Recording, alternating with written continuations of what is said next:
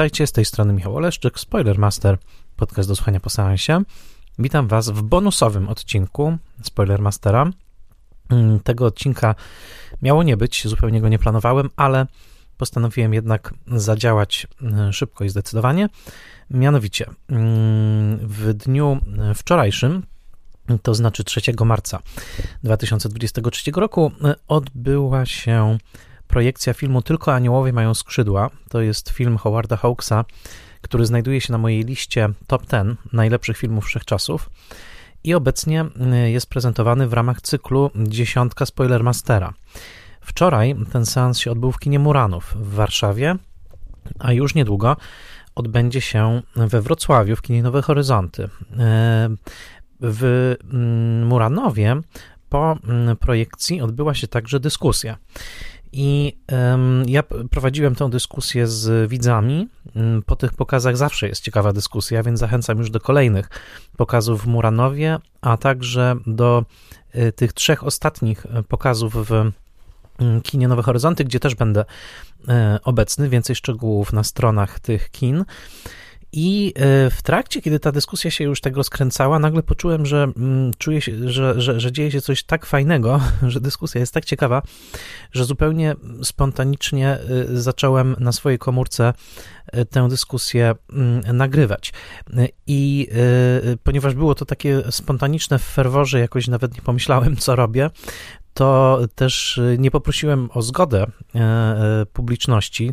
E, dotyczy to oczywiście z osób, które zabierały głos w tej dyskusji, no bo ich głos siłą rzeczy trafił do tego nagrania więc postanowiłem wrzucić tą dyskusję w całości, bez żadnego montażu, do Y, na mój kanał, mm, co niniejszym robię. Za chwilkę to nagranie się od, mm, rozpocznie. Natomiast chcę zaznaczyć, że jeżeli którakolwiek z osób, które tam rozpozna swój głos y, z jakiegokolwiek powodu, chciałaby, żebym jej wypowiedź usunął z tego nagrania, to oczywiście to zrobię, tylko potrzebuję takiego sygnału Spoilermaster Podcast małpa gmail.com. Są tam osoby i mi znane i nieznane, ale też osoby, które w przestrzeni medialnej się wypowiadają o kinie, kinie, więc mam nadzieję, że nie będą miały za złe tego, że mm, to nagranie się pojawia w sieci. Usłyszycie innymi głosy Sebastiana Smolińskiego, filmoznawcy, e, piszącego także w Tygodniku Powszechnym, Karola Szafrańca z kanału Audiowizualny, Patrycji Muchy, e, Katarzyny e, Wajdy, świetnej filmografki i Roberta Siwczyka z kanału E, właściwie z fanpage'a Klatki na oczach. I nie tylko, jest tych osób tam więcej. E, i także są osoby, które, które, które nie są mi znane, są widzami e, cyklu, więc postanowiłem, zdecydowałem się na ten krok, ponieważ jest to, uważam, bardzo ciekawa dyskusja o filmie Hawksa i tak jak mówię, jeżeli którakolwiek z tych osób będzie, będzie chciała, żebym tutaj wyedytował któryś fragment wypowiedzi, to jestem na to otwarty i odtworzę tylko to, co powiedziałem na samym początku, kiedy już film się skończył, sala była pełna, odbiór był fantastyczny. Widzowie naprawdę świetnie się bawili na tym filmie i reagowali bardzo żywiołowo. Oczywiście o Tylko Aniołowie mają skrzydła możecie też posłuchać w odcinku e, Top 100 Spoilermastera w tym odcinku, w którym ujawniam finałową dziesiątkę. Tam już sporo powiedziałem o Howardzie Hawksie, powiedziałem o mm, także o filmie Tylko Aniołowie mają skrzydła i tuż po projekcji, um, kiedy wyszedłem przed, e, na środek sali, po, powiedziałem jeszcze takie trzy ważne rzeczy, do których później też się mm, mówiący odnoszą, więc teraz je mm, powtórzę. A mianowicie mm, ten film zawiera moją ulubioną sekwencję filmową, to znaczy sekwencję krótkiej, błyskawicznej żałoby po postaci imieniem Joe, którą gra w tym filmie Noah Berry. I ta sekwencja jest dla mnie zadziwiająca. Za każdym razem jestem nią zachwycony, y, właśnie przez to tempo i pewną grację, z jaką zostaje rozegrana. Od momentu, kiedy poznajemy Joe w tym filmie, do momentu, kiedy już go nie ma z nami, mija mniej więcej kwadrans. Y, I w pierwszym momencie y, Bonnie, grana przez Jean Arthur, jest oburzona tym, że e, Jeff, grany przez Karego Granta, ale także wszyscy pozostali lotnicy e, zaczynają udawać, że żadnego Joe tu nigdy nie było. Po czym orientuje się, że to jest ich sposób właśnie na, na pożegnanie przyjaciela i na, na uhonorowanie tak naprawdę tej przyjaźni. I tutaj mm, zwróciłem uwagę na to, że właśnie u Hawksa, o ile ze śmiercią człowiek się konfrontuje samotnie, tak jak postać Kida, grana przez Tomasa Michela, który wyprasza z pokoju, w którym umiera przyjaciela Jeffa, ponieważ chce się skonfrontować ze śmiercią sam, tak z życiem w filmach Hawksa zawsze konfrontujemy się w grupie. W grupie, e, która jest grupą profesjonalistów, w której nie ma miejsca na sentymenty, narcyzm, ale też nie ma miejsca na nielojalność. E, I e, ta scena, kiedy Bonnie rozumie już tę zasadę i siada przy fortepianie, i zaczyna poprawiać Jeffa, który nie za dobrze sobie na tym fortepianie radzi, i zaczyna grać piosenkę, mm, e, niejako akceptując kodeks moralny tej, tej społeczności, tej grupy, do której trafiła. To jest taki jeden z moich absolutnie ulubionych momentów w całym, w całym kinie. I na wczorajszym wieczorze zacytowałem fragment z książki Robina Wooda o Howardzie Hawksie, E, mianowicie, kiedy patrzymy na nich, jak grają właśnie tę piosenkę, śpiewają dosłownie paręnaście minut po śmierci Joe'ego, rzekomo beztrosko, e, Wood pisze e, We haven't forgotten and we know they haven't. Czyli my nie zapomnieliśmy o Joe, o zmarłym Joe, ale wiemy też, że oni, że, wiemy, że oni także nie zapomnieli. Wiemy, że ta piosenka to jest tak naprawdę taki, taki y, znak solidarności z przyjacielem, bo wiedzą, że on życzyłby sobie, żeby oni żyli dalej, e, żeby dalej cieszyli się życiem. I jest w tym jakieś takie tak naprawdę uhonorowanie e, tego przyjaciela, a nie pogwałcenie jego pamięci. Wspomniałem też o tym, że bardzo ciekawie się ogląda Tylko Aniołowie mają skrzydła w roku w który tak mocno był ukształtowany, a właściwie tuż po roku, który tak mocno był ukształtowany przez Top Gun z Tomem Cruzem, ponieważ jest to no, Top Gun 1939, tak, ten, ten film Hawksa. I zwróciłem uwagę na to, że o ile w obydwu Top Gunach, w tym starszym i nowszym, jest ciągła taka fetyszyzacja yy, Toma Cruza, jego bomberki, jego strojów, takie niemal pieszczenie kamerą, tak, tego słońca, które odbija się od okularów słonecznych, taka mm, imaginarium niemal reklamy telewizyjnej, jakiegoś tego, takiego glamuru. Mm, tak tutaj y, u Hawksa tego w ogóle nie ma, tej, tej takiej, romanty, znaczy takiej romantyzacji, glamoryzacji y, niebezpiecznego zawodu lotnika. Y, I no jest, to, jest to mm, ciekawa różnica, warto ją dostrzec, bo jak się okazuje, temat, oczywiście mówimy o zupełnie innych samolotach, tak, i mówimy też o sytuacji wojskowej w Top Gun, natomiast jednak no, te właśnie filmy o, o, o załodze, E, takie jak Top Gun, czy wcześniej Pierwszy Krok w Kosmos, mają swoją drębną mistykę i pod tym względem tylko aniołowie mają skrzydła, wydają się absolutnie antysentymentalne, antynarcystyczne. Gdyby mm, tylko aniołowie mają skrzydła reżyserował Victor Fleming chociażby e, i gdyby rolę mm, Jeffa grał Clark Gable, wtedy mielibyśmy taką celebrację właśnie maczystowskiego dzielnego pilota, wokół którego e, wszystkie kobiety mdleją i byłoby to bardzo płytkie, bardzo jednowymiarowe, nawet jeśli miałoby swój urok. E, tutaj, ponieważ gra tę rolę Cary Grant, a reżyseruje Howard Hawks, dynamika jest zupełnie inna.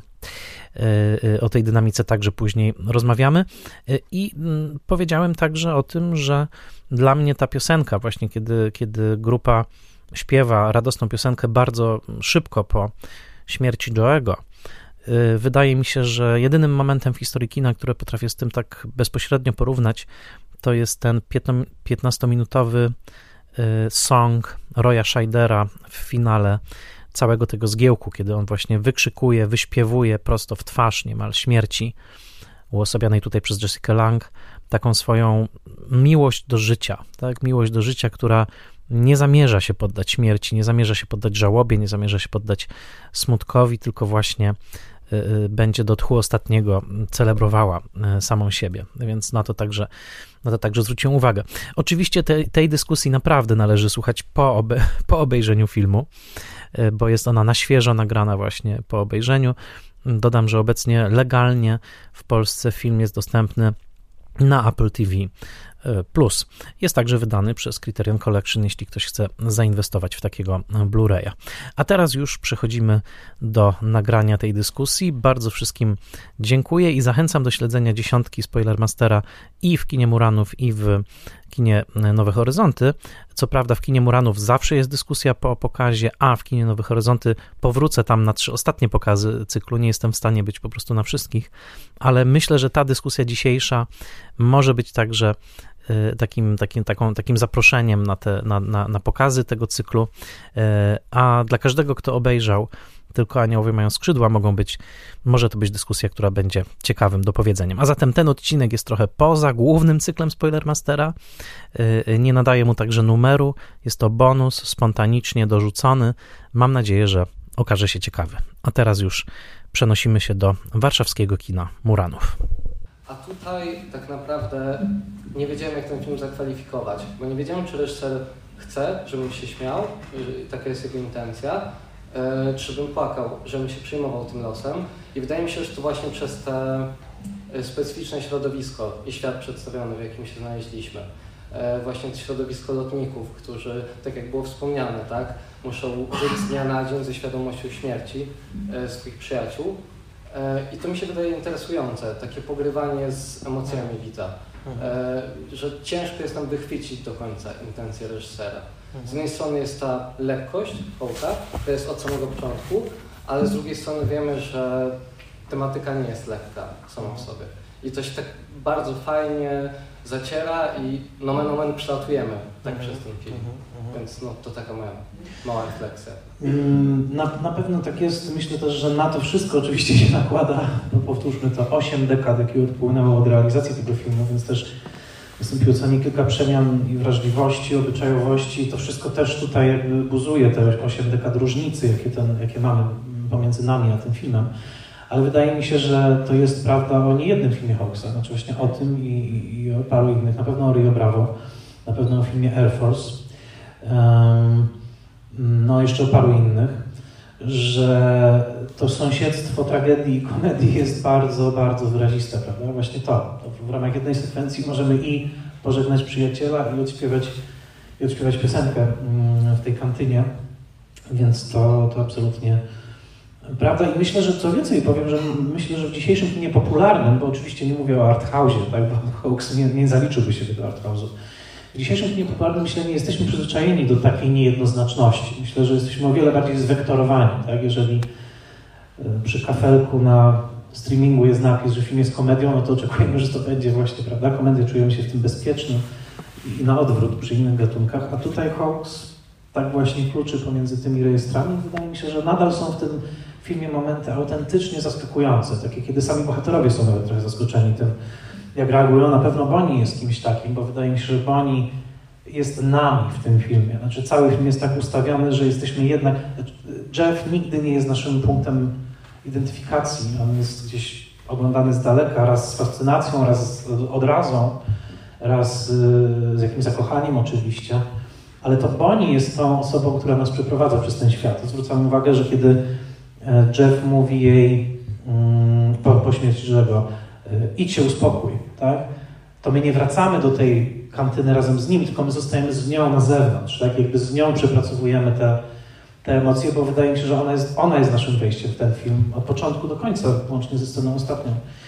E, jedyne co, to jesteśmy o te trzy sekundy wcześniej, jakby trzy sekundy do przodu w stosunku do niej, że wiemy już, co to jest za moneta, a ona to musi te pięć sekund później odkryć. To jest jedyny, jedyny moment, kiedy tym filmie że tak powiem, wiemy więcej niż ona. E, ale to jest już sama końcówka i na tym też polega, uważam, piękno i elegancja tego scenariusza Fortmana. Proszę bardzo. Mhm.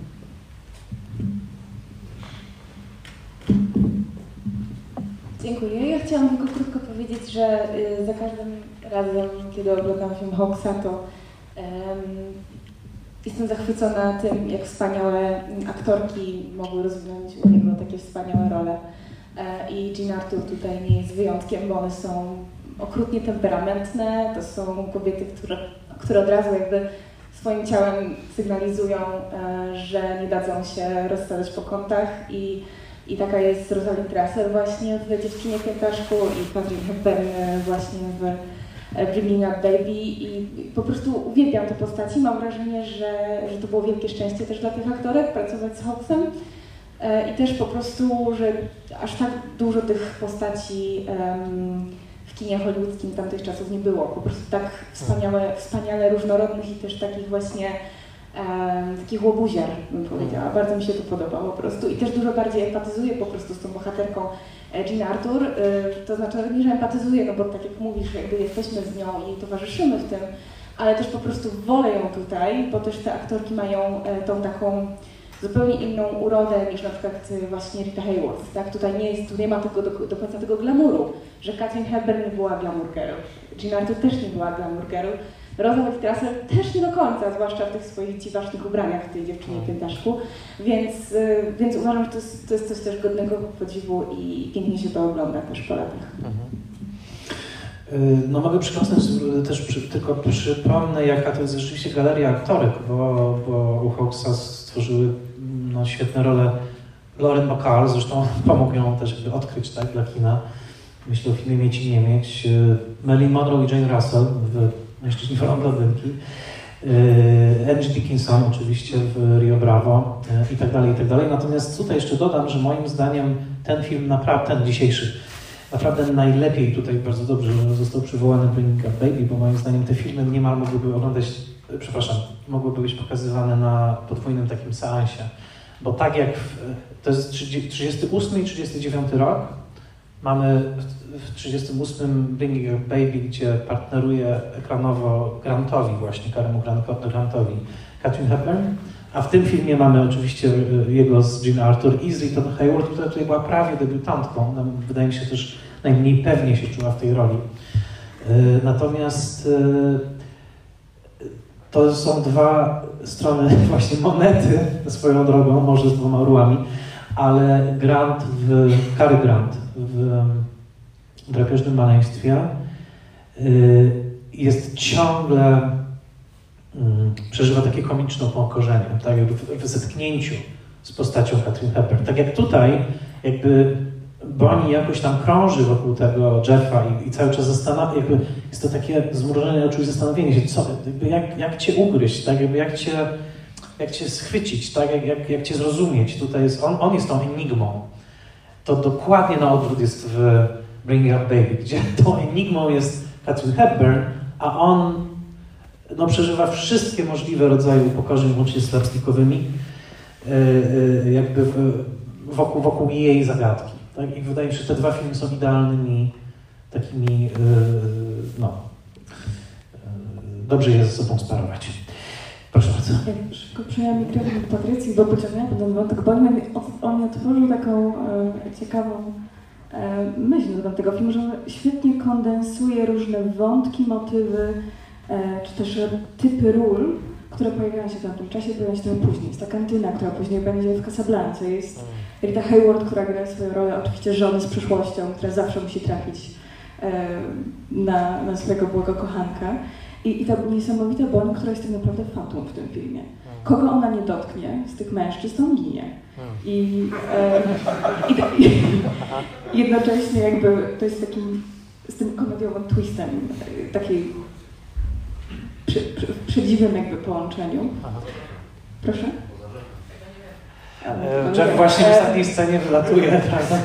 Natomiast tak naprawdę na, najpiękniejszy związek w tym filmie to jest związek Jeffa i Kida. W sensie to jest... Tak, to prawda. To jest, to jest takie miejsce, że te kobiety tak naprawdę mi trochę schodzą na dalszy plan. W sensie, mhm. Bo oni jest naszymi oczami, Rita Hayworth w ogóle jest tam, e, tam w tle. E, w ogóle ten wątek w przeszłości nie zostaje jakoś tak mhm. chyba mocniej poruszony, ale ten, ta męska przyjaźń, miłość mhm. jest cudownie określone i bardzo, bardzo poruszające dla mnie. E, tak, dla mnie też myślę, że dziękuję za ten głos, bo to też jakby jest piękno tej roli Tomasa Michela właśnie w roli, w roli Kida, że on zupełnie jakby jako aktor się nie bał, że tak powiem, tam pójść. Tak? Znaczy właśnie, żeby sięgnąć po ten rezerwuar emocji, którą wprost nazywa miłością w tym, w tym filmie właśnie do, do Jeffa. E, zresztą oczywiście no, Hawks też bardzo, znowu nowocześnie, jak na 38-39 rok z tym pogrywa. W Bringing Up Baby jest ta słynna scena, kiedy Cary Grant zakłada peignoir, prawda, i mówi I went gay all of a sudden.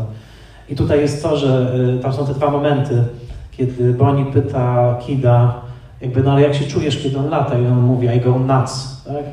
I później y, dokładnie jest symetria, bo Jeff mówi o Kidzie, he drives me nuts, tak? czyli to jest właśnie dokładnie ta, ta, ta symetria i, i Tomasz Mitchell to pięknie, moim zdaniem, zagrał, tym bardziej, że ta para, para właśnie Kid, Jeff, przeżywa tutaj dokładnie taką samą trajektorię jak para y, Rita Hayworth, Richard Barthelmess, czyli ten McPherson, bo mm, tam też jest ta próba zatajenia czegoś, prawda, zatajenia tego, że no właśnie oczy, prawda, odmawiają posłuszeństwa, odkrycie tego i próba poradzenia sobie z tym i tak dalej.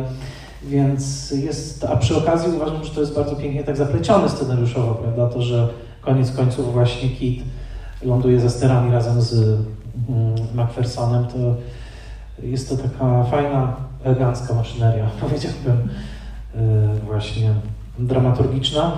E, przy czym jeszcze dodam, że jest coś naprawdę wspaniałego dla mnie przynajmniej właśnie w tym, bo, bo, bo to ktoś napisał, zresztą też chyba Robin Wood, że możemy zerknąć na te wszystkie filmy Hawksa i to będą wszystkie możliwe gatunki, prawda?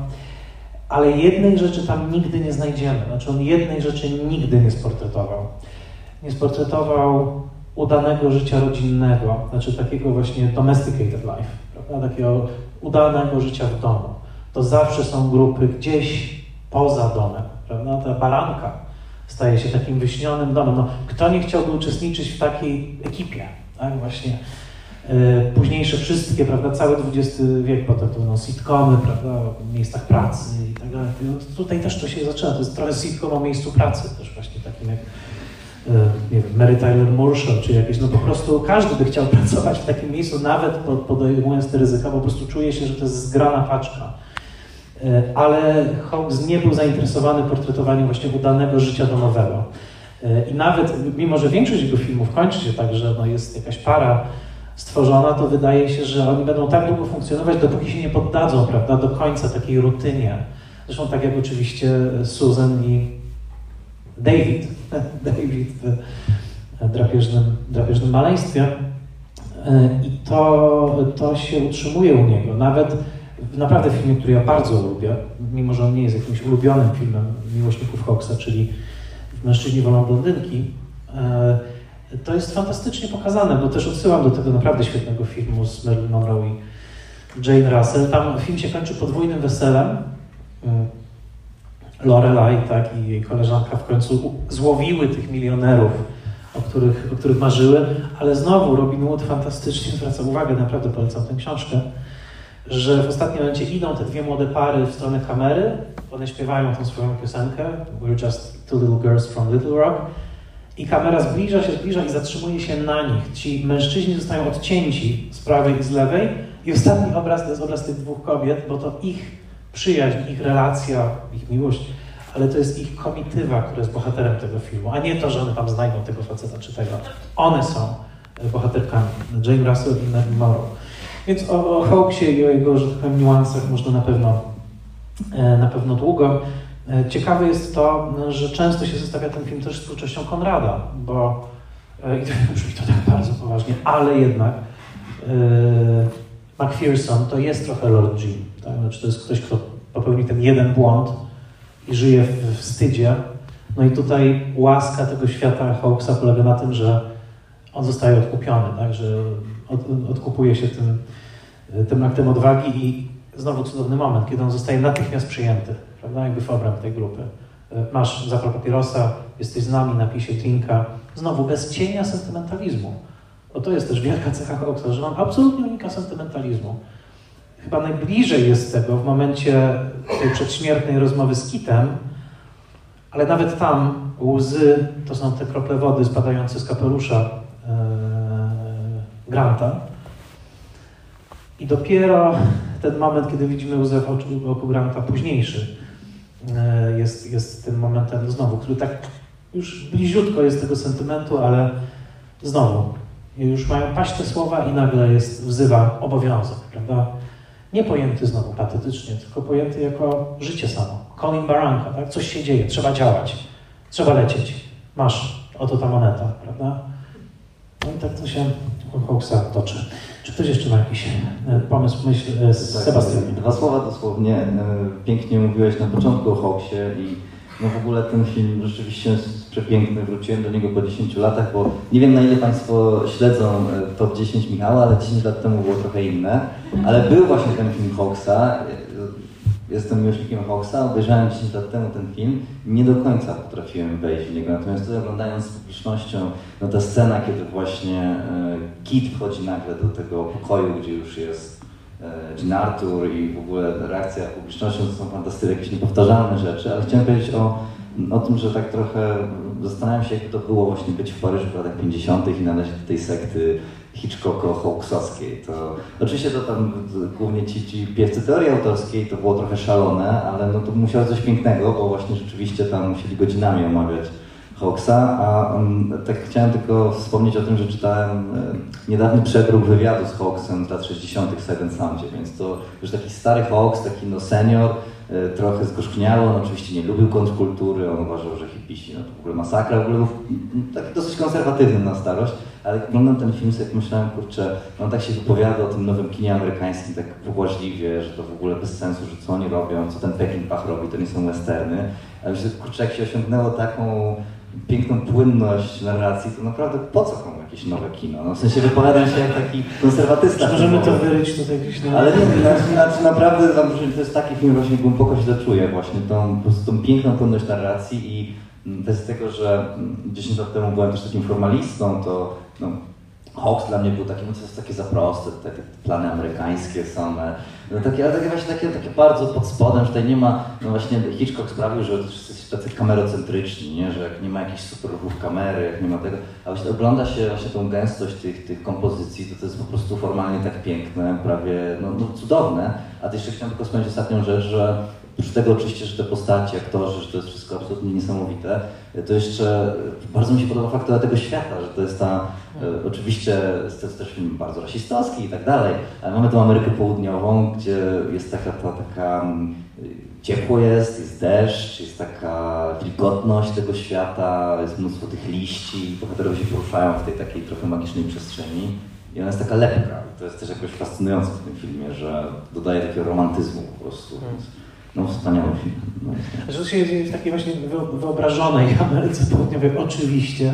To też mówię o tych ośmiu dekadach różnicy też między naszymi wrażliwościami. To jest, to jest nieuniknione. Ale tak jak mówię, zresztą y, David Thompson, David Thompson, krytyk, y, chyba naj, y, taki najbardziej poetycki, powiedzmy, komentator Hawksa, polecę, zresztą cy, cy, cytuję fragmenty jego, jego tekstu w moim odcinku, właśnie w tym top ten polecam y, posłuchanie już po tym seansie. On właśnie mówi, no, że ta baranka to jest takie miejsce w naszej wyobraźni właśnie, prawda? Takie miejsce, y, gdzie właśnie spotykamy się i nagle no nie ma tych wszystkich takich zobowiązań związanych właśnie z tym nowoczesnym, biurokratycznym światem, który alienuje od miejsca pracy, prawda? Które no jakby wszyscy to przeżywamy, tak? Na tych niekończących się zoomach, w biurach jarzeniowo oświetlonych i w ciągłym po prostu pośpiechu. No tutaj to jest taki właśnie zamknięty świat, prawda? To jest taki, taki unit, właśnie znowu powracam do słowa grupa, y, w którym, y, co też ważne, każdy jakby ujawnia to, co jest w nim najlepsze, tak? jakby do, do, do, do, do, dorzuca do tej puli y, i wspólnie tworzą coś, coś pięknego. To myślę, że to jest bolesne, że jesteśmy tak daleko od tego doświadczenia, tak jakby w tym naszym, nazwijmy to, późnym kapitalizmie, ale to już inna, inna historia, daleko idąca nadinterpretacja, ale myślę, że jakoś tam zakorzeniona w tym filmie. E, proszę bardzo. O,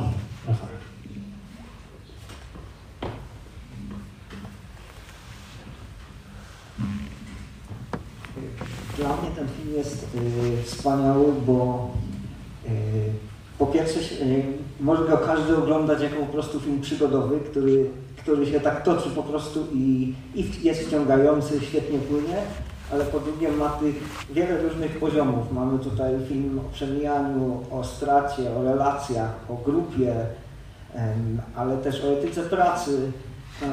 I te wszystkie rzeczy, te wszystkie rzeczy y, stąd można wyciągnąć i, i, każdy może znaleźć w nim coś dla siebie, siebie odnaleźć i jednocześnie każda z tych postaci przechodzi tam jakąś tam drogę, Każda z tych postaci z czymś się zmaga, to z poczuciem winy, to z jakimś taką poczuciem gdzieś tam jakiejś, jakiegoś odrzucenia, bo choćby, choćby ten główny bohater Gaz, dobrze mówię Gaz? Jeff. Jeff. Mhm. Przepraszam, Jeff. To on jakiś taki, jest taki gruboskórny i to trochę wynika z tego, że, że te jego relacje z kobietami są powiedzmy ta kobieta, ta Rita Hayward go zostawiła gdzieś i on, i on teraz jest taki, żadnej kobiecie nie potrafi powiedzieć, żeby poprosić ją, żeby została, więc, więc te relacje u niego też są jakieś takie troszkę, troszkę dziwne. To może, i zastanawiałem się tutaj akurat z czego to, z czego to może wynikać. Jednocześnie ma też, ma też relację z tym swoim, z tym swoim przyjacielem e, Kidem, więc jest, jest taką postacią trochę gruboskórną i, hmm. i ta, ta wieloznaczność jest po prostu dla mnie jest bardzo ciekawa, bo, nie, bo my tak nie potrafimy do końca, do końca go określić, tak jak y, często, dzisiejszy, często dzisiaj są filmy, gdzie my wiemy zero-jedynkowo, ok, jest jedna hmm. relacja, a w życiu często tak nie ma. W życiu jest właśnie, życie jest bardziej złożone i to jest w tym hmm. świetne. No, bardzo, bardzo się z tym zgadzam i mm, myślę też, że czy to jest taki film, i teraz już nie mówię tylko o tych kulturowych y, rzeczach, które się na pewno zmieniły, ale jest to film, który trudno mi go sobie wyobrazić, remake dzisiejszy, właśnie nie ze względu na te kulturowe rzeczy, tylko ze względu na to, że trudno mi w ogóle właśnie, podkreślam, w mainstreamie znaleźć takie migotliwe, niejednoznaczne portrety, tak bym, tak bym powiedział, chociaż może, e, może się mylę, ale tutaj e, jeszcze na dodatek właśnie to hawksowskie E, ten brak, brak takiego patosu, prawda? Bo ja też zawsze przypominam, mówiłem też w odcinku o tym, że polski film wedle Chłaski, czyli Baza Ludzi Umarłych, jest takim filmem, który można by z tym zestawić. Zresztą, o ile wiem, Chłasko znał ten film i jakby nie ma przypadków, tak? To jest bardzo podobne, ale w przypadku Bazy jest jeszcze ten cały, że tak powiem, zresztą uroczy z mojej perspektywy, ale też taki sos tego egzystencjalizmu, tak? takiego właśnie, tego, tego rozsmakowywania się właśnie w tym, prawda, że tutaj tak, to polecisz, to, i będzie, sam zobaczysz, tak? Jakby tutaj tego w ogóle nie ma, tak? Tego takiej, takiej narcystycznej fetyszyzacji tej sytuacji. Nie, tu jest, bo tu co chwilę to jest przełamowane humorem. To jest co chwilę przełamowane humorem. Tym takim często nawet do dzisiaj moim zdaniem bardzo zabawne. Tak? Jakby niektóre odzywki tutaj to są takie, jak się mówi, zingery, myślę, takie puenty, że no, no tego w tej bazie nie znajdziemy, no bo tam właśnie się unosi już ten taki powiedziałbym paryski, egzystencjalny dymek, który, że tak powiem, zaleciał tutaj z nad Sekwany i, i bardzo, bardzo w latach 50. się ujawniał. Zresztą zwróćmy uwagę na inny słynny film z nitrogliceryną, to znaczy myślę o Cenie Strachu, tak, 53 rok, gdzie to już jest w takiej po prostu apokaliptycznej wersji, tak, właśnie ci mężczyźni, którzy w tej Ameryce, też w Ameryce Południowej, takiej walczą na śmierć i życie i to jest po prostu upodlenie w kałuży ropy naftowej. Jakby Hawks powiedział, chłopaki, wyluzujcie się. To patos nie jest tą ścieżką, tak? Jakby konieczny jest ten humor, konieczne jest to, jest to przełamanie. E, no ale działał też w tym filmie oczywiście w rzeczywistości przed II wojną światową. To wszystko, o czym mówię, było reakcją kulturową właśnie na tamtą hekatombę, więc też nie chodzi o to, żeby tutaj to teraz mm, tak ironicznie mm, odrzucać. E, proszę bardzo.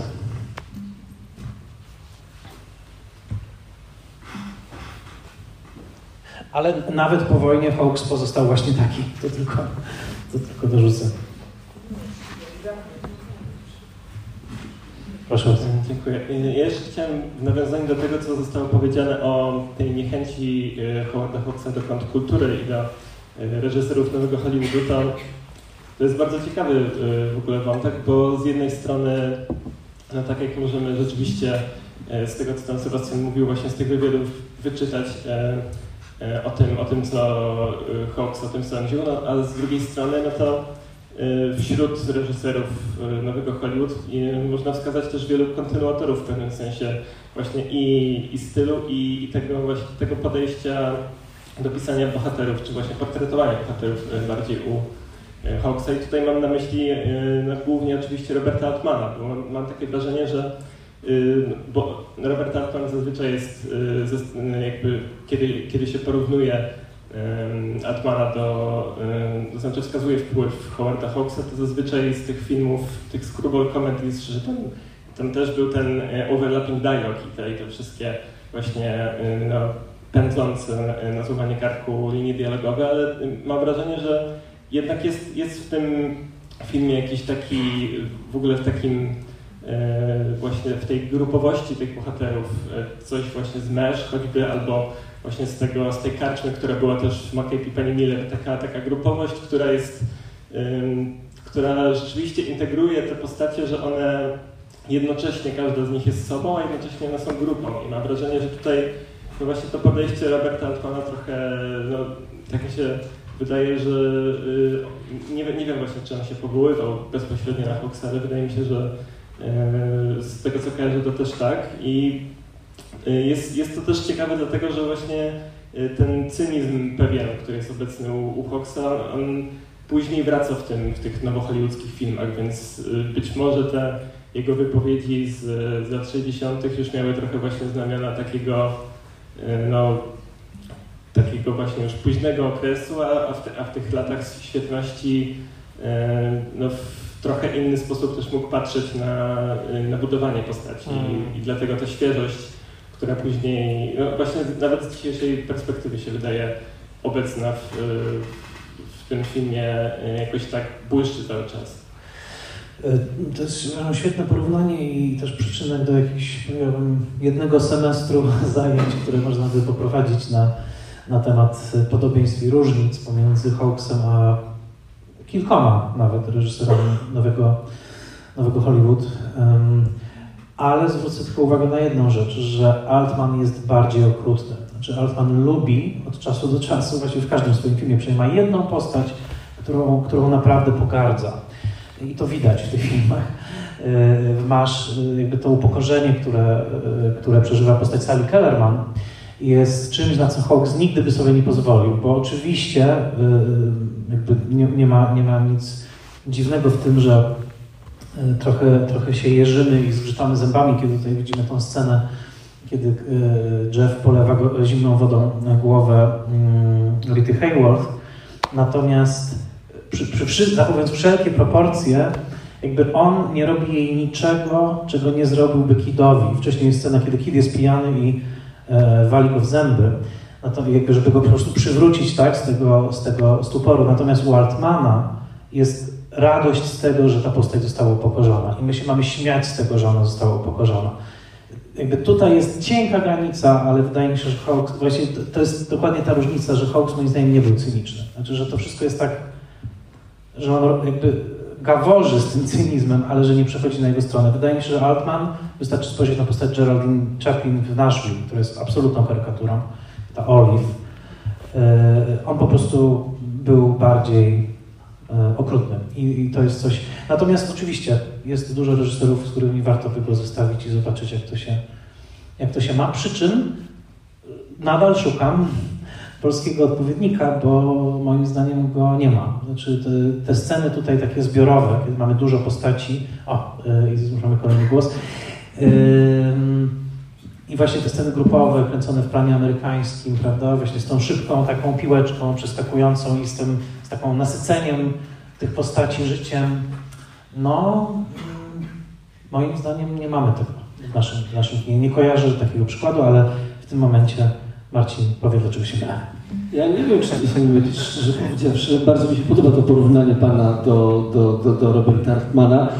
Niemniej jednak też ja na przykład pomyślałem o kimś takim jak Jean Renoir w, w filmie um, Reguła gry i wcześniejszy Towarzysze broni. Towarzysze broni. E, a jeśli chodzi o takie polskie kino, to z tego korzystał trochę Andrzej Mógł w, filmie, w szczególności w filmie Erojka i, i, i to właściwie w dwóch częściach można by je było połączyć, nawet jeżeli one troszeczkę są inne. E, to, to, to, to wydaje mi się, że to jest takie kino, Absolutnie. które, które było. Nie wiem, czy, czy, czy, ono, czy Munch się e, e, koniecznie Howardem Hawksem e, inspirował, na pewno był mu bliski, ale powiedział, że jest to po prostu pewnego rodzaju męskie kino, lub raczej chodzi o pewnego rodzaju unit, czy grupę ludzi, która została wyrzucona poza rodzinę, poza, poza normalne funkcjonowanie i musi sobie jako ta grupa teraz y, y, wspólnie poradzić. Pełna zgoda, nie pomyślałem o tym, zwłaszcza myślę druga nowela Heroiki, znaczy ta w Najbardziej. to tam są takie sceny, to, to prawda, to pełna, pełna zgoda. Proszę bardzo Robercie i potem tam. Mhm. To był no zacznę od tego, że to był drugi film, który, e, w którym miałem okazję zobaczyć Bertela Messa. Pierwszy to Broken Blossom. To, to ważna informacja, że to jest ten sam Właśnie. Macpherson, aktor, który grał Złamanej Lili, tego Tak. żółtego człowieka. Co Tak, i, i no, charakteryzacja robi swoje. Teraz zobaczyłem jego twarz, jak naprawdę wygląda, chociaż po, po tylu latach. Co, co chciałem powiedzieć, myślę, że to nie, tutaj, to, o czym Sebastian wspomniał, że ten film jest taki bardzo namacalny, on jest taki sensualny, że my czujemy po prostu tę wilgoć tej Ameryki Południowej, a z drugiej strony mm, wspomniałeś na początku, że y, to jest bardziej film o życiu, nie o śmierci. Mm, A y, Ameryka Południowa ma taką mm, kulturę, szczególnie w Meksyku, nie wiem, nie, nie jest powiedziane, gdzie konkretnie się dzieje, w którym państwie Ameryki Południowej? Znaczy, myślę, że to, tak, znaczy to, to, to jest państwo w Ameryce Południowej i tyle wiemy na temat tego i to nie jest na pewno znaczy, tak, umowne. Państwo. Ameryka Południowa. E, No, w każdym razie chodzi mi o to, że tam relacja ze śmiercią w tych krajach też jest bardzo specyficzna. E, Tutaj mamy ten e, przedstawienie tej kultury w postaci takiego bardzo żywiołowego tensa, trochę poza rytmem. On jest taki bardzo mm, taki no, chwytający taką energię, taką i mm, ale też nie da się ukryć, że w tamtych krajach ta e, relacja ze, ze śmiercią ona jest, ona jest bardzo bliska, e, e, takie, takie mam wrażenie. No i e, coś tutaj jeszcze nie, nie wspomnieliśmy. W filmach tych, e, tych bardzo wczesnych, jeżeli kobieta ma trudności, to wiadomo, że jest w ciąży. E, I e, to też jest, mam wrażenie, takie coś, co wskazuje na to, że mamy tutaj to, to, taką nadzieję nowego życia, to co się, co się prawdopodobnie narodzi. I, Tej ostatniej części nie kupuję, wydaje mi się, że bo nie, jest w ciąży. Wydaje mi się, że to jest jej reakcja, znowu nie wiem, możemy się Ale- pointerpretować, ale e, nie wiem, nie wiem, ale mówię tylko, że ja, ja, ja tego nie kupuję, ale mam wrażenie, że tam jest taki motyw, że ona go nie chciała, y, bardzo długo się wzbraniała przed tym, żeby go prosić o to, żeby, żeby nie, nie mówiła mu tego wprost, żeby, y, że nie chce go szantażować, żeby tak wprost, żeby mm, została, że nie chce nim manipulować. Tam było Żeby się przestać i przestać... no właśnie, że jest wyraźnie jednak to jest utrzymane, że nie było tego seksu i to jest ważne, żeby nie było, E, ale... Bo nie było papierosa.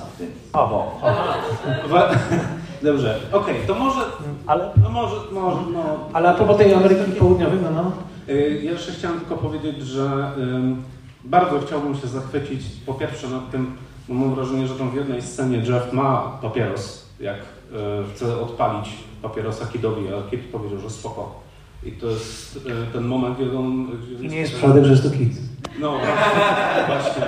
E, I ym, bardzo chciałbym się zachwycić nad, wszys- nad wszelkimi mhm. I tak, tam jest bardzo dużo takich mhm. I to jest takie bardzo, jednocześnie jest takie namy- jestem w takim namysł, jestem taka, e, taka refleksja, że to, to coś powiedziało, coś tak się przyjęło, tak, a potem jest dalsza linia dialogu. No jest bardzo dużo takich, takie, takie mhm. I to mi się bardzo podobało, bo y, rzadko jest, y, jest, jest tam taka naturalność też tego dialogu, nie? Y, I to mam wrażenie, że rzadko się zdarza, nie wiem, we współczesnych filmach. Y, tak. Mi się też bardzo podoba rytm tych dialogów, właśnie rytm taki bardzo potoczysty i też y, każda pauza w tym filmie też swoją drogą jest ważna, bo momenty milczenia też są, y, proszę bardzo, też są bardzo, bardzo istotne. Y, Tam pani się głosiła. Mhm.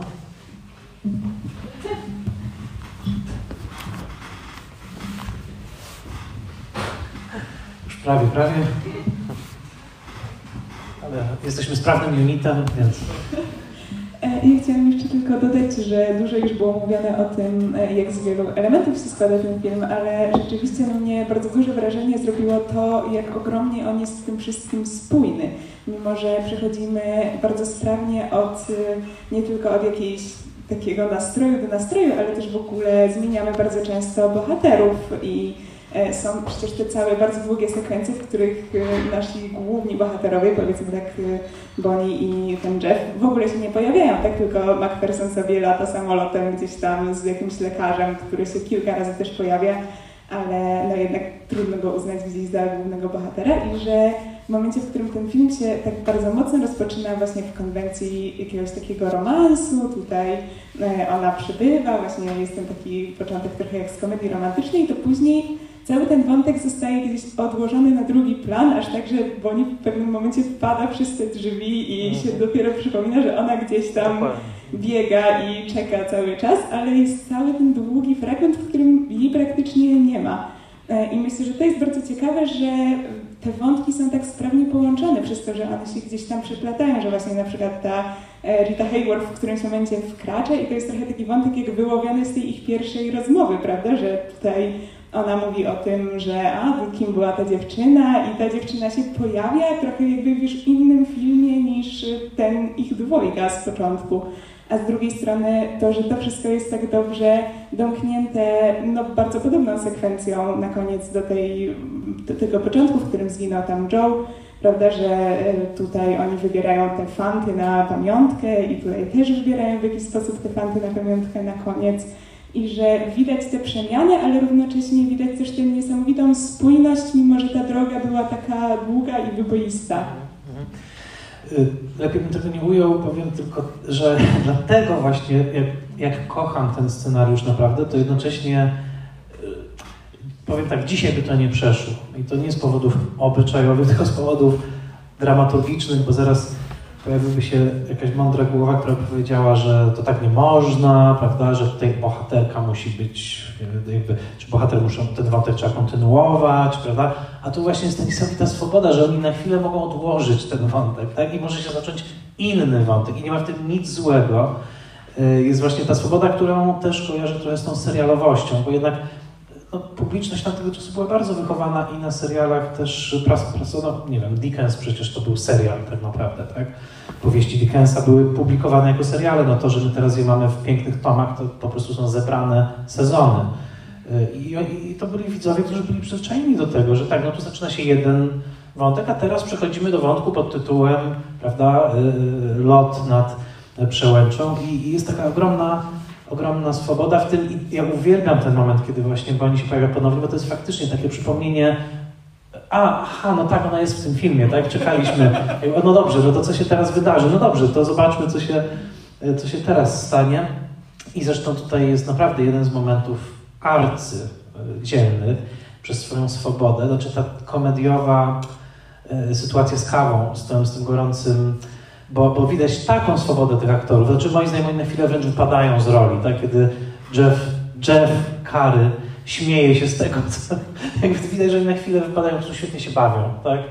I my się razem z nimi bawimy, bo geniusz tego scenariusza też polega na tym, że coś tak nieważkiego, jak opale, oparzenie się tą kawą, nagle nas odsyła do linijki z początku i ona mówi, a, czyli jednak możesz się oparzyć dwa razy w tym samym miejscu. I nagle jakby jesteśmy, aha, no tak, przecież on to powiedziała na początku i chodzi o tą bazową sytuację, prawda? Czy on jest w stanie kogoś jeszcze pokochać, e, czy nie. A ona też, to jest też fajne, że jest raz krok do przodu przed nim, raz krok do tyłu, raz ona go absolutnie po prostu jedną ripostą jest w stanie usadzić, raz on i to jest też bardzo Hawksowskie, prawda, że oni są takimi równymi przeciwnikami w tej, w tej walce. Ale ta, tę scenę właśnie uwielbiam z tym, z tym czajnikiem z kawą. Proszę bardzo. Może ty. Ja chciałem zauważyć, słuchajcie, że w tym filmie tak naprawdę nikt nikomu y, żadnych listów y, nie wysłał. To znaczy, one nigdzie nie dotarły. Czy zauważyliście? Tylko, tylko właściwie udało się uratować jednego chorego. Poza tym nigdzie listy nie dotarły. cały czas je wysyłają, przesyłają i cały czas zawracają, albo, albo samolot pada. No to jest też, to się nazywa spisek scenarzystów, tylko po to, żeby cały czas się kręciła akcja. To mi się strasznie spodobało, się w końcu wkurzyłem, pomyślałem sobie, to po co oni walczą? To skoro nikomu do te, te listy nie, nie zostały dosłane. E, bardzo postuluję, żeby dokręcić jeszcze taką scenę i wmontować ją w ten film, gdzie jakiś zwykły obywatel baranki zwraca się do swojej żony i mówi Kochani, zauważyłeś, że dwóch tygodni nie dostajesz żadnych listów? Co tu się, co tu się dzieje?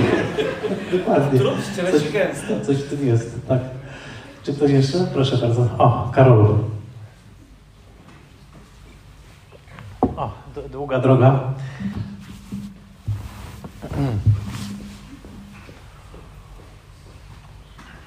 E, zdradzę, że przez jakiś czas, przez parę dobrych lat miałem ustawiony jako dzwonek w telefonie właśnie to zgrany stąd Colin Baranka. Ale już, już tak nie jest, niestety. E, ja widziałem film pierwszy raz dzisiaj e, i takie mam wrażenie w sumie podobne jak zazwyczaj, kiedy oglądam filmy Hawksa, z którym mam trochę jednak problem, więc może trochę będzie na, na kontrze ta moja wypowiedź. Mam wrażenie, że może jestem na takim etapie, na jakim Sebastian był 10 lat temu, więc za 10 lat, jak że aniołów, to, to, to może znowu będzie inaczej. E, bo ja gdzieś mam trochę problem z tą teatralnością jego kina e, i, i, gdzieś bardziej może mi się podobają filmy też z tamtych czasów, które są tak formalnie bardziej mm, dopieszczone, że ja zawsze byłem bardziej fordystą niż hołksistą. E, ale mam też, ale z drugiej strony bardzo mi się podoba to, to, o czym oczywiście mówimy i gdzieś mnie ujmuje ta atmosfera, bo faktycznie Hawks potrafi niesamowicie prowadzić aktorów jako zespół. I to, że oni grają do siebie i że to wszystko jest bardzo przekonujące, to mi się, to mi się bardzo podoba. Uważam mimo wszystko mm, z tymi takimi e, scenariuszowymi wybrykami, o których mówisz, że dzisiaj by nie przeszły, to mm, często się zauważa, że w kinie koreańskim na przykład, popularnym, tego typu zabiegi sceny tam przechodzą i one są dzisiaj odbierane jako takie nowum, a hmm. okazuje się, że w zachodnim kinie e, one już były i e, jest się też do czego odwoływać, może coś reanimować też warto właśnie z tych zabaw. Aczkolwiek dla mnie osobiście jest że tak użyję z braku lepszego polskiego słowa, jakiś rodzaj clumsiness czasami w, tym, hmm. w tych przewrotkach i w tych łączeniu wątków. Dla mnie się to wszystko aż tak bardzo przekonująco nie splata. Hmm. E, ale to jest, to jest właśnie takie, może bym jeszcze raz to obejrzał, to zobaczyłbym to inaczej. Natomiast to, z czym, co mnie bardzo mm, intryguje w ogóle w filmach Hawksa, to, to z jednej strony to, o czym ty mówisz, że tu jest taki rodzaj inny, ta, ta przyjaźń jest bardzo e, nobilitowana w jego filmach, i ty mówisz, że tu nie ma fetyszyzmu ani romantyzacji, owszem, ale to, z czym ja mam problem i przy Rio Bravo, gdzie też jest właśnie taka opowieść i, i, i tutaj, że jest to ciepło tego, tego bycia razem, tego, tej wspólnoty i to faktycznie się czuje i się jest tak bardzo blisko tego, ale z drugiej strony nie mogę się temu do końca poddać, bo mam wrażenie, że jednak, e, nawet ta, ta wypowiedź, która była przed chwilą o tym, że te listy nie doszły, to mam wrażenie, że e, jednak zazwyczaj ci mężczyźni, którzy są razem u Hawksa, oni jednocześnie są uzależnieni od tej śmierci. Hmm. I że to jest bardzo, i to jest ich, to bycie razem jest podszyte jakimś bardzo mocnym lękiem przed czymś, e, co najczęściej się objawia w relacji z kobietą. Są w tych scenach długich dialogów często z kobietami właśnie w filmach Hawksa, gdzie mężczyzna jest odciągnięty od grupy i rozmawia z kobietą sam, wtedy zazwyczaj jest jakiś taki moment konfrontacji też, gdzie on sam ze sobą się musi skonfrontować, ale to jest właśnie inne od takich innych filmów, gdzie mamy takie przyjemne spędzanie czasu razem, gdzie jest, nie wiem, jakaś knajpka albo jakaś grupa, gdzie tam jest ten rodzaj takiego ciepła, to jest wszystko tutaj podszyte dla mnie tą śmiercią, mhm. tym, że oni są uzależnieni od tego ryzyka. Oni tego nie romantyzują, ale mimo wszystko to jest. I oni bez tego nie będą, nie potrafią żyć i w tym jest jakiś taki dramat, i coś takiego jednak smutnego, co, co, mhm. co, mm, i coś też, co sprawia, że ja do końca nie potrafię ich polubić swoją drogą. Że w ogóle w filmach Hawksa mężczyźni są tak pokazywani, że ja jakby rozumiem ten dramat, to jest taki dramat też podobny, który tu jest film Michaela Manna na przykład. Podobnie to trochę wygląda, tylko oczywiście tam to jest już bardzo podszyte przez to wszystko, co było później, to o czym mówiłeś, i egzystencjalizm, i, i fran francuskim kinem inspiracja ale jednak e, jest w tych mężczyznach Hawksa coś, coś w jakimś sensie odpychającego. Hmm. Nie potrafię tego nazwać, że ja to rozumiem, ja to czuję, ale e, gdzieś to do końca do mnie nie trafia i właśnie jest podszyte tą, tym uzależnieniem od, od śmierci, że ta śmierć musi być bardzo blisko, inaczej życie nie ma sensu. Hmm.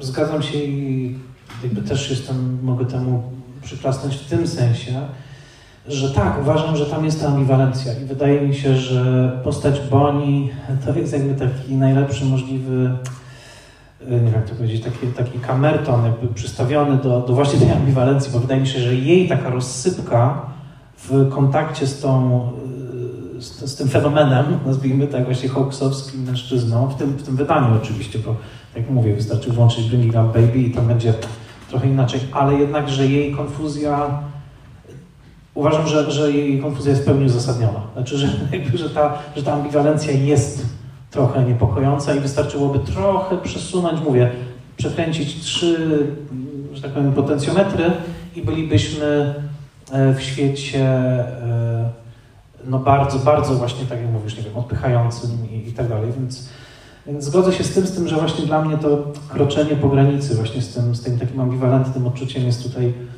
jest tutaj wartością. I też gdzieś tam mi dzwoni jednak ta historyczność tych filmów, właśnie kiedy one powstawały, prawda? Że jakby on zaczyna i pomiędzy wojnami, tak można powiedzieć, że ten XX wiek potem zgotował tyle straszliwych jeszcze kolejnych wstrząsów, że wydaje mi się, że jego kino też jest reakcją na to, po prostu w jakim świecie wtedy żył. Yy, dodam, że by, Mieć nie mieć, czyli ten jego Hemingwayowski film, to jest urocza adaptacja Hemingwaya w tym sensie, że wyrzuca całą powieść Hemingwaya i zastępuje inną opowieścią, ale tytuł jest ten sam. Że tam ta postać właśnie yy, Humphrey'a Bogarta, notabene, też ważne, yy, Bogart też wystąpił u Hawksa w jego filmie Noir, czyli w Wielkim Śnie, że on jest tam taką figurą z kolei którą Robin Wood y, y, interpretuje jako najpotężniejszą, najsilniejszą taką figurę antyfaszystowską w kinie amerykańskim. Tak? Jakby, że, że ten taki sprzeciw właśnie Hawksowskiego bohatera przeciwko każdej formie y, właśnie patosu, jakiegoś takiego ideologicznego zacięcia, że, on, że ten bohater zawsze będzie wierny właśnie tej swojej grupie, tak? ale nigdy nie, nie uwierzy w żadne obietnice, że tak powiem, jakiegoś systemu, prawda, jakiejś, jakiejś ideologii, jakiegoś ruchu masowego i tak dalej. No i akurat Robin Wood widział właśnie w tych bohaterach taką, taką szczepionkę przeciwko tym zbiorowym szaleństwom. No i tutaj to, to taka jest recepta Hawksa, tak, żeby nie poddać się szaleństwu świata, znajdź grupę, w której naprawdę się dobrze czujesz i w której jesteś doceniany za, co, za to, kim, kim jesteś. Um, no ale tak, oczywiście, tutaj ta, nie da się tego też e, całkowicie wyabstrahować od pewnego elementu autodestrukcji, przy czym, powtarzam, Boni komentuje ten element i komentuje go także Hit, który mówi, e, że latam 22 lata i nie potrafię Ci odpowiedzieć, dlaczego latam. Tak? To jest też to, ta odpowiedź jakoś się nie może skrystalizować. Mhm. O, proszę bardzo. To po drodze w takim razie tutaj i, i tu. Yy, tak zdania chciałbym tak. komentować, bo dla mnie ci piloci są powiedzmy na dzisiejsze czasy taką profesją powiedzmy strażaka, żołnierza, himalaisty powiedzmy i gdzie oni najlepiej się czują rzeczywiście w grupie, e, jakby tam i przez to, że ciągle ryzykują, to przez to gdzieś ta relacja e, z kobietami, relacje z kobietami nigdy nie będą w pełni spełnione, w pełni szczęśliwe, e, a przynajmniej bardzo często, bo bo cały czas jest tam ten element niepewności i ryzyka, czy oni wrócą do domu. Dziękuję. Dziękuję bardzo. Szukam coś, jakoś mi uruchomiło się, proszę bardzo, skojarzenie z jakimś takim niedawnym filmem na ten temat, ale teraz możemy wrócić. Proszę bardzo. Ja chciałem zwrócić uwagę na to, że yy, to było nawet dobrze, że ja chociaż wiedziałem o tym filmie, to miałem tak gorącą rozmowę, z jedną dziewczyną, która też przyszła do kina. Namawiałem ją na ten film i pomyliłem nawet godzinę tego filmu. I co było? Po pierwszych scenach dokładnie wiedziałem, że jest to film Howarda Hawksa. Jak byłem dzieckiem, to słyszałem, że taki film był. Ale czy to były anioły, czy samoloty, to, to nie, nie pamiętam. Ale może warto jakby się odnieść do autobiografii. Rzadko mi się zdarzyło w życiu, żebym towarzyszył tak wybitnej postaci, czyli od pierwszego zainteresowania się kinem. Czyli jak miałem 12 lat, to widziałem w polskiej telewizji film że o dziwo 30 lat temu jakby o nim zapomniano. Brian De Palma zrobił ten film Człowiek z blizną. I że ja właśnie miałem wrażenie, że ja próbuję Hawksa. Później, już w czasach yy, szkoły podstawowej Rio Bravo, na studiach Rzeka Czerwona. I co, co jest dla mnie jakby ważne, że całkowicie się zgadzam z tym, że te postacie, jakie dobiera, chociaż są to różni aktorzy, no to od razu można zauważyć, że pewnie aktorzy amerykańscy z tym symbolicznym Clarkiem Gablem by nie mogli, nie daliby po prostu rady. I, I, chociaż oni są tak różni, i no jednak John Wayne i Gary Grant, to, to chyba wynika ze stylu Hawksa. Wymieniliśmy tu w całej tej dyskusji różne filmy. Ja jeszcze tylko nie widziałem blondynki, tak to było wolą mężczyzn. Mężczyźni wolą blondynki. Bardzo kolorowy chyba, szerokoekranowy, no w końcu o milionerze. I, i, I jednak myślę, że to, że on zachował swój styl w tak różnych gatunkach, to jest to pewnego rodzaju, swego rodzaju geniusz. Dlaczego? Jestem wielkim admiratorem Hitchcocka, tu jak zawsze są jakieś dyskusje, to bardzo trudno, żebym się do niego nie odniósł, czy przy twórczości Hoppera, czy innych, ale zawsze mnie serce bolało, że jeżeli Hitchcock wychodził w inny gatunek, to był mistrz, ale mi się to mniej podobało. Hmm.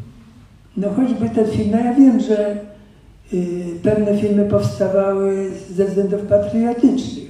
Hmm. Y, jakby, ale nie było tej spójności stylistycznej, y, którą ja wyczuwałem u Hawksa przy tak różnie, nawet zdawałoby się skrajnych gatunkach, jak, jak, jak właśnie Rio Bravo, czy, czy Człowiek z blizną. Yy, później pamiętam, widziałem kiedyś taką dużą retrospektywę filmów Hitchcocka i oczywiście z miłości do Hitchcocka ja to wszystko oglądałem, ale jednak po latach jednak pozostało to, czym jest Hitchcock. Czyli urzeczona, zawrót głowy, okna na podwórze, a nie łódź ratunkowa, czy jakaś próba komedii, którą też tam, czy takiego filmu politycznego, który się akcja działa chyba na terenie Berlina Zachodniego i Wschodniego. Tak? Rozdarta kurtyna. Rozdarta kurtyna. I to nie mówię ze względów politycznych, tylko właśnie obejrzałem go, zobaczyłem. A, chciałem wskazać, myślałem, że jest ta poprzednia tablica, bo oczywiście filmem numer dwa będzie y, w czerwcu wyświetlone Okno na podwórze, więc do do Hitchcocka na pewno wrócimy, ale jest coś i jakby myślę, że z tą myślą warto jakby dzisiaj zostać, bo naprawdę jest coś niezwykłego w tym, że on tak się swobodnie odnajdywał w tych gatunkach. I to jest... A jednocześnie jest ta jedna, że możemy zestawić... Nawet jakby dla tej dyskusji nic nie jest bez przypadku. Tak. Y, dla tej dyskusji nic nie jest bez przypadku. No wchodzę i po trzech minutach mówię, no absolutnie Howard Hawks. Chociaż ten tytuł widziałem, ale nigdy go nie kojarzyłem z tak, Howardem tak, Hawksem. Tak, tak. Chociaż... Dodam, dodam tylko... Mogę wszystko wiedzieć. Tak. Jest, ch chyba, chyba jest jeden film, w którym to się nie udało, znaczy ten jego film Ziemia Faraonów, tak, ten jego film ze starożytnego Egiptu, ale to każdemu się może zdarzyć. To chyba się nie udało, tak. bo ja go widziałem i zupełnie... Yy, I nie skojarzył Pan, że tak, że to, że to No nie dziwię się, nie dziwię się, bo tam coś coś nie, coś nie, nie zaskoczyło. E, bardzo namawiam do tego, żeby zwłaszcza po tym dzisiejszym filmie, no jednak lata 30., Czerni Biel, taka nie inna konwencja, sięgnąć właśnie po mężczyźni wolą blondynki, który co prawda nie jest szerokoekranowy, to tak e, gwoli ścisłości, ale Technicolor, ale Technicolor. Tak, e, na szerokim ekranie polowały w Jak poślubić milionera, to tam, tam CinemaScope był. Natomiast niesamowite... A, to ja myślałem o tym milionerze. Tak, Natomiast niesamowita rzecz jest taka, że tam, a propos też, tutaj można by mnóstwo wątków otworzyć, ale tam ta postać Jane Russell wydaje mi się niesamowicie nowoczesną postacią, czy taką no w zasadzie dzi dzisiaj dostałaby swój serial, tak powiem, miałaby swój spin-off. Bardzo zachęcam, tak w ramach może deseru po powrocie do domu, chociaż tak jak powiedziałem, ten film wydaje się takim bardzo, bardzo pełnym posiłkiem. Czy ktoś jeszcze, pro, pro, proszę, o proszę bardzo, Katarzyno. Tak, trochę a propos tego, co powiedział Marcin o tych wątkach polskich, bo zastanawiam się, zaskakując, e, zastanawiam się, czy Leonard Puczkowski, czyli polski pionier filmu lotniczego już z lat 30., czy on oglądał, oglądał e, ten film, bo mam wrażenie, że sprawa pilota Maresza i Więczysław Gliński, którego on odkrył w ogóle dla kina, no to to jest taki trochę polski Cary Grant, czyli amant z biglem, z ironią, z poczuciem, z poczuciem humoru. To też było bardzo ciekawe, może kiedyś się odnajdzie gwiaździsta eskadra wtedy y, o kilka lat starsza od, od aniołów, y, więc wtedy porównamy. Natomiast druga rzecz też a propos tego, o czym powiedzieliście Sebastian i, i Marcin, e, też o tym, e, bo też myślę, e, to nie jest bardzo, drodzy Państwo, odkrywcza refleksja może, ale może taka puentująca, że to jest film, który jest fantastycznym przykładem tego, że kino to jest piękne kłamstwo, że to jest wiarygodne kłamstwo. To jak łatwo weszliśmy w ten świat, jak uwierzyliśmy w tę e, Amerykę Południową w studiu w Hollywood, prawda? Że nie zauważamy tego, że to jest atelier, to jest raz, i dwa, oczywiście te listy, o których wspomniał e, Marcin. E, że my zawieszamy naszą niewiarę, zawieszamy myślenie krytyczne prawda, w kategoriach życiowego prawdopodobieństwa, bo na, na Boga żadne listy nie są warte tego, żeby ludzie ryzykowali życie dla nich, prawda? Ale e, robimy to, e, wierzymy w to, że oni muszą lecieć, że oni muszą ginąć, e, bo to jest świetnie zrobiony film, bo są fantastyczne postaci. E, e, świat, który nas wciąga, właśnie ta wiarygodna, prawdziwa fikcja, może tak, prawdziwa fikcja może to jest dobre określenie. E, I też myślę, że tego efektu nie byłoby, gdybyśmy siedzieli pojedynczo w domu, prawda, przed jakimś przed ekranem albo przed tym, że to, o czym mówił Sebastian, że to, że przeżywamy ten film razem, bo jednak właśnie mówiłeś o wspólnocie. Kino to jest też ciągle, ciągle, ciągle, ciągle rodzaj wspólnoty, my jako widzowie, więc bardzo dziękuję Państwu za wspólny seans. Ja się bardzo cieszę, że, że dzisiaj przyszłaś naprawdę, bo, bo też chcę bardzo podkreślić, że dla mnie to jest y, myślę dla nas wszystkich coś magicznego, bo ten, ja, nie ja nie wiedziałem też, jak dzisiaj Państwo zareagujecie na ten film. Tak? Nie, nie, nie wiedziałem, czy on chwyci, czy nie chwyci, czy będą te reakcje. Tak trochę się nawet obawiałem, czy on po prostu zaskoczy, ale, ale mam wrażenie, że zaskoczył i jest coś dla mnie niesamowitego właśnie w tym oglądaniu tego filmu, no tak jak był zamierzony, żeby go po prostu oglądać, czyli właśnie z pełną salą, która reaguje nawet w tych miejscach, które pewnie Hawks nie przewidział, że zareagujemy, no bo mówię, te lata też robią swoje, ale to nieważne, no jesteśmy tutaj i ten film, ten film jest, jest, jest z nami. Mhm, Sebastianie. Tak, no to jest bardzo ciekawe właśnie o tym stylu Hawksa, że też właściwie trudno go zdefiniować i to, co jest fajne dzisiaj, że oglądamy go dzisiaj, to to, że możemy o nim mówić jako właśnie dziele sztuki, bo przecież też w wielu optykach to, to jest esencja kiczu właśnie hollywoodzkiego, więc jakby ten seans, który nam dałeś, to jest taki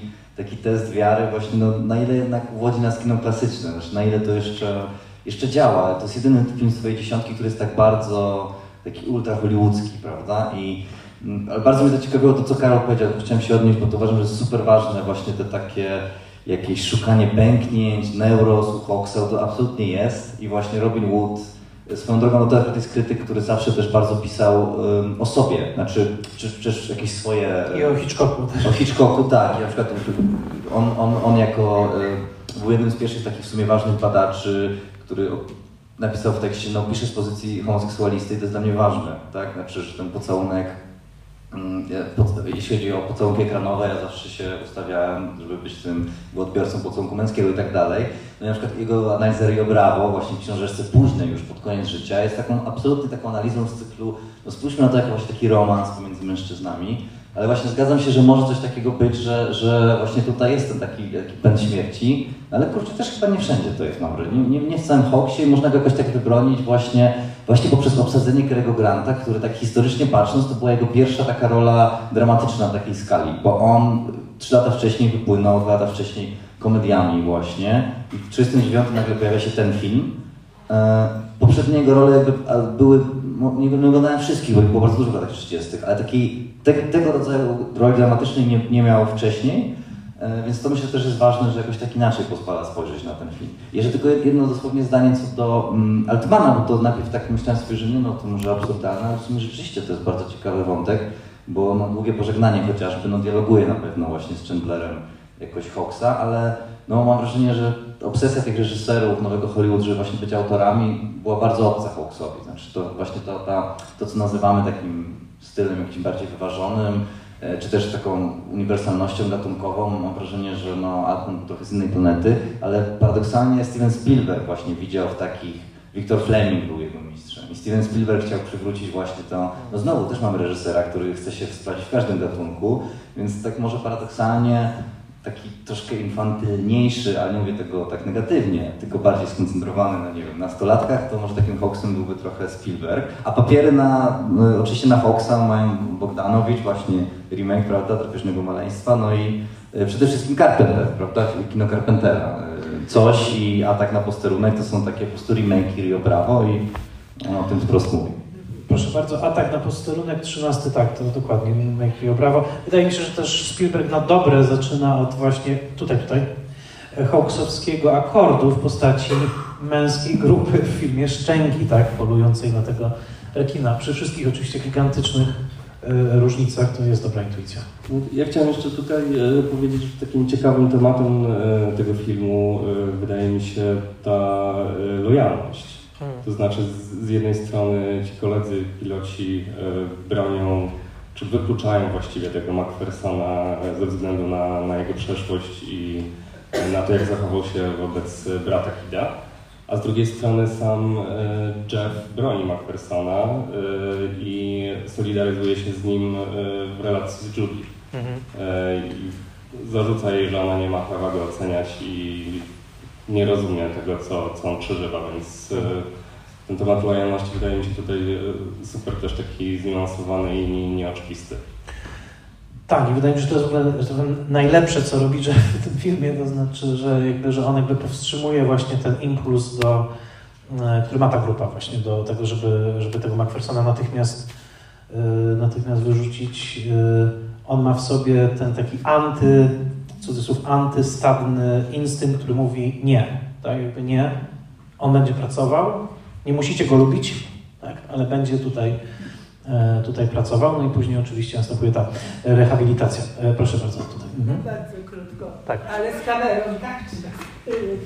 Chciałem tylko powiedzieć, bo padło nazwisko Bogdanowicza, tej takiej zupełnie innej grupy reżyserów po 70 roku i po tej jeszcze trwającej wojnie wietnamskiej tam jest taka scena w ostatni seans filmowy, gdzie chłopcy wchodzą na ten seans i właśnie jest rzeka czerwona. Tak.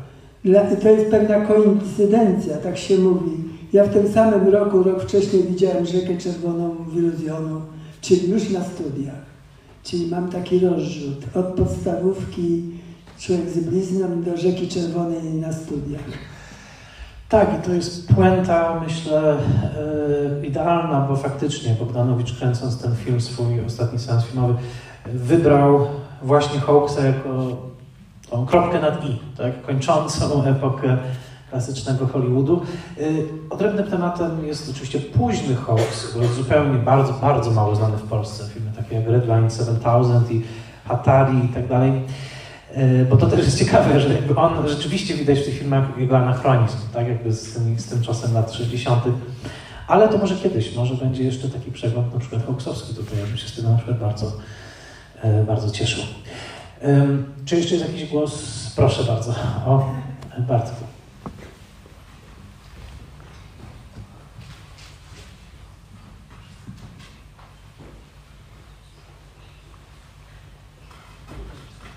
Wejdziemy dzisiaj na rekord.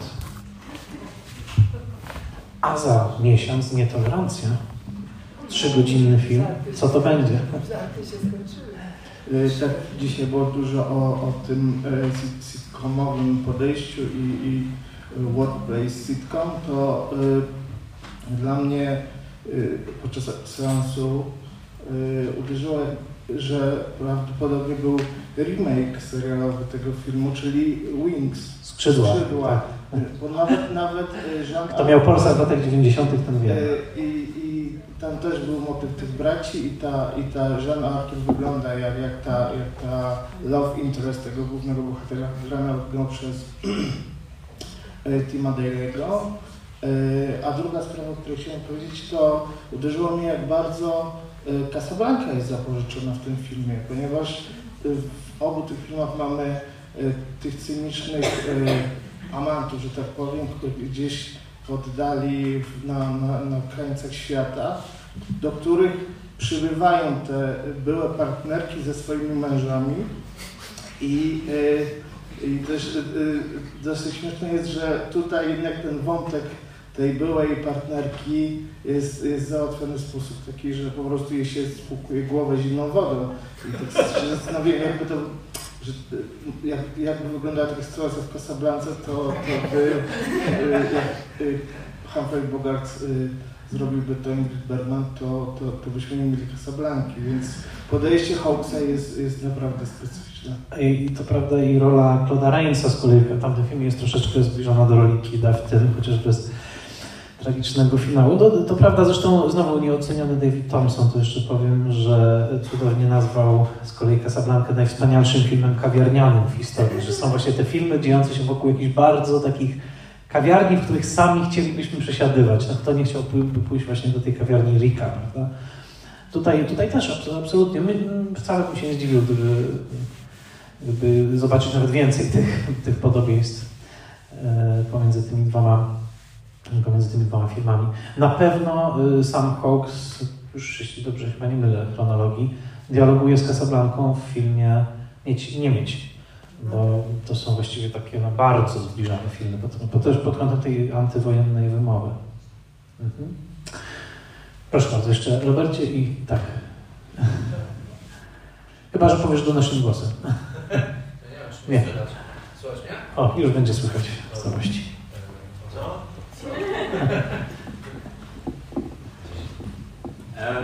Ja bym chciał wspomnieć, porównać ten film trochę do, do takiego duchowego pierwowzoru e, Top Guna i Mavericka e, The Wings. E, bo tutaj mam wrażenie, że szczególnie w tym filmie bardzo mi się spodobała ta eksploracja przestrzeni, że my dokładnie wiemy, gdzie jesteśmy, w którym momencie. Bardzo te, po pewnym czasie te, te, przestrzenie są dla nas bardzo takie mm, przyjazne, my wiemy, gdzie jesteśmy i to jest ta, która taka ciasnota, a z drugiej strony w porównaniu z tymi górami, które szczególnie z tym, e, gdzie się to kamerowało, e, kamerowało e, no, te, lot tych, mm -hmm. tych, tego samolotu, i ta, ta, ta groza zbliżającej się ściany, górskiej ściany, no to tutaj ta konfrontacja właśnie tej otwartej przestrzeni jest zamknięta. Natomiast właśnie w Wings mamy zupełnie odwrotnie, mamy dwójkę bohaterów, gdzie bardzo blisko, myślałem w ogóle, że Cary Grant grał w Wings, ale to był Gary Cooper. Mhm. No, stąd mi się mylą. E, I błyskawicznie on tam ginie. E, I mamy tych dwójkę bohaterów, którzy cały czas trochę mm, żyją właśnie na krawędzi z, z, ze śmiercią, cały czas tak e, cieszą się na samym początku, a potem, że będą służyć w armii, a, potem jest jest ta relacja trochę naznaczona właśnie smutkiem i właśnie zupełnie odwrotnie w stosunku do tego filmu, bo tam jest cały czas y, mamy zmianę lokacji, cały czas gdzieś, gdzieś indziej jesteśmy i tutaj y, tam mamy ten takie przypuszczone trochę patriotyzmem i to ich trochę y, z jednej strony napędza i taka młodzieńczy idealizm, a z, z drugiej strony ten patriotyzm, a tutaj mamy to, te, ten film ze śmiercią jest tak trochę napędzane tym kapitalizmem, no bo oni mają, walczą ten kontrakt z, mm. pocztowy, nie? że jeszcze jedno, jeszcze jedno ten i będziemy mieć ten kontrakt. Mm. E, my walczymy o trochę te pieniądze, ale może jednak nie, może jednak, e, może jednak ten, ta, ta, ten ku śmierci, to, to może trochę mm. napędza. I, Mam wrażenie, że właśnie to drugie, że to, to jest takie oszukiwanie się, że może jednak do końca nie chodzi o pieniądze, mm. że może jednak E, to, co nas napędza, to, to trochę takie toksyczna, toksyczny pęd ku destrukcji. Mhm. To by się rymowało z tym, co powiedział Karol. Myślę, że to jest też ciekawy wątek. E, Dodam, że jeden z moich ulubionych filmów, momentów w tym filmie jest ten, kiedy właśnie jesteśmy dosyć zagubieni w tej przestrzeni. Na pewno Jeff jest, cudownie się dziwi, kiedy okazuje się, że Bonnie mieszka obok niego. On mówi, kto mieszka w tym pokoju z Bonnie? Dlaczego? Bardzo to jest, bardzo to jest fajny, fajny moment. Bardzo dziękuję, powoli kończąc i dziękuję za dzisiejszy wieczór. Zapraszam już na Griffisa, to będzie potężny seans 14 kwietnia i już się nie mogę doczekać, bo myślę, że właśnie e, z tą, w, tym, w tej naszej konfiguracji to będzie także seans niezapomniany. Także bardzo dziękuję za dzisiejszą przygodę z Hawksem i e, widzimy się za miesiąc. Bardzo dziękuję. Jak zawsze mam trochę naklejek, jeżeli ktoś ma ochotę, to zapraszam do podcastu, zapraszam do słuchania. Już jest odcinek o Pasterze Pitonie, a za tydzień Terminator, już zdradzam. W odcinku, nie tu.